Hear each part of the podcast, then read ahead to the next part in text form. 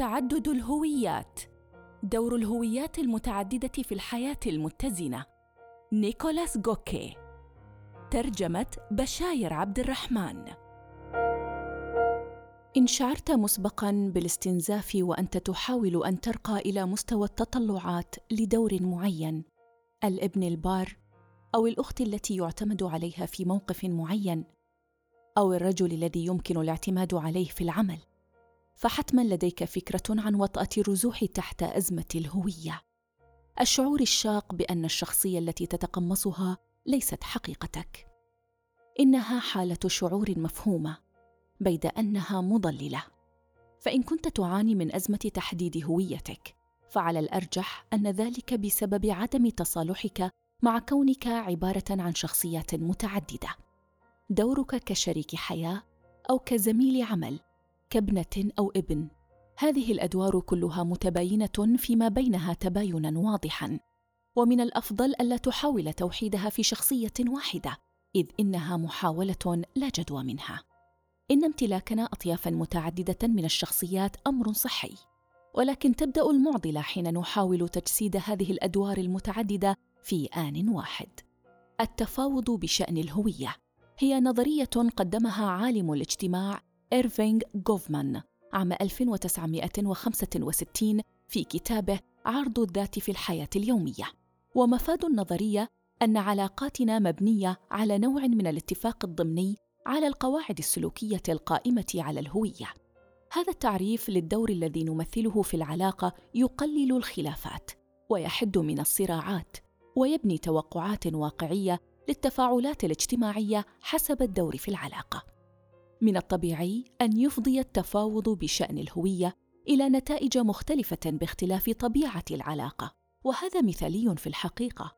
فكما تشير الأبحاث إلى أن امتلاكنا لهويات وأدوار متعددة يمنح المعنى ويخفف الضغوط في العلاقات ويكافح شعورنا بالعزلة الاجتماعية. لكن حين نحاول دمج هذه الأدوار المتباينة كلها في هوية صلبة متماسكة فإننا حينها نولد ضغطا لا جدوى منه. هذه المحاولة ضرب من المستحيل. علينا أن نتصالح مع كوننا نمتلك هويات متعددة ونتعلم كيف يمكننا الانتقال فيما بينها بسلاسة لنحظى بحياة طيبة. أدى جيم كاري عام 1999 دور مثله الأعلى الممثل الراحل أندي كوفمان في فيلم رجل على القمر.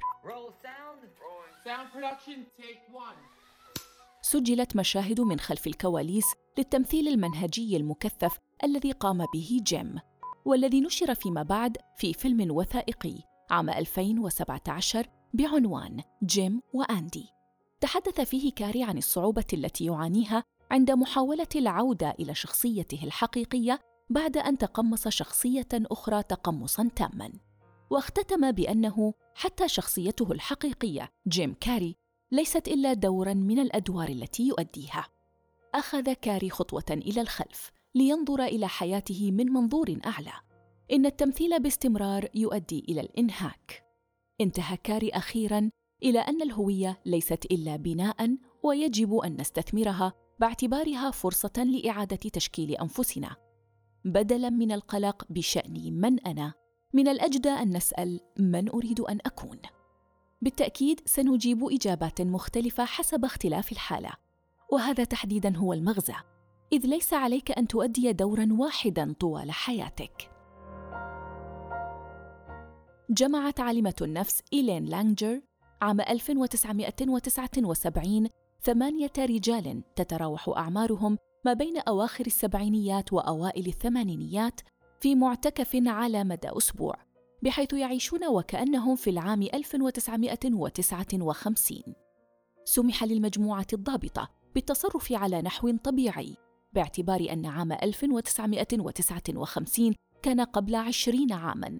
بينما ينبغي للمجموعة الأخرى أن يتحدثوا ويتصرفوا كما لو كانوا يعيشون في عام 1959 قبل أن ينتهي الأسبوع. كلتا المجموعتين أظهرت تغيرات سلوكية وعقلية وجسدية كبيرة. تلخص لانجر في كتابها عكس عقارب الساعة. أن للعقل قدرة هائلة على التحكم بالجسد وأن المشاركين بدوا أصغر سنا مع تحسن هائل في السمع والذاكرة والمرونة الجسدية. والجدير بالذكر أن المجموعة التي جرى عليها الاختبار تفوقت على المجموعة الضابطة في اختبارات الذكاء. أدى هؤلاء الرجال أدوارا تماما مثل جيم كاري وتقمصتها بالفعل أجسادهم. هذا لا يعني أنك ستمتلك عضلات بطن مثالية بمجرد تخيل نفسك من ضمن طاقم تمثيل باي ووتش لكنه يثبت أن التقمص العقلي للهوية له تأثيراته الفعلية إذ يمكن أن يمنحنا القيام بأدوار تمكينية شعورا بالسعادة والقوة. هل نستطيع أن نكون حقيقيين حين نختلي بأنفسنا؟ من الصعب أن يحدث ذلك. بالطبع ستكون هناك أدوار نرضى عنها وأدوار لن نرضى عنها. فبحسب نظرية التفاوض بشأن الهوية لن نستطيع في علاقاتنا المختلفة أن نرقى إلى العلامة الكاملة طوال الوقت في الأدوار التي نؤديها. فضلا عن رؤية هوية واحدة مثالية حين ننظر إلى المرآة. لا بأس بذلك. ما دمنا نأخذ وقتنا في التصالح مع فكرة أن أدوارنا المتعددة ذات منفعة ولا نقلق قلقا مفرطا تجاه التفاصيل الصغيرة لهذه الأدوار التي قد لا يتوافق بعضها مع بعض.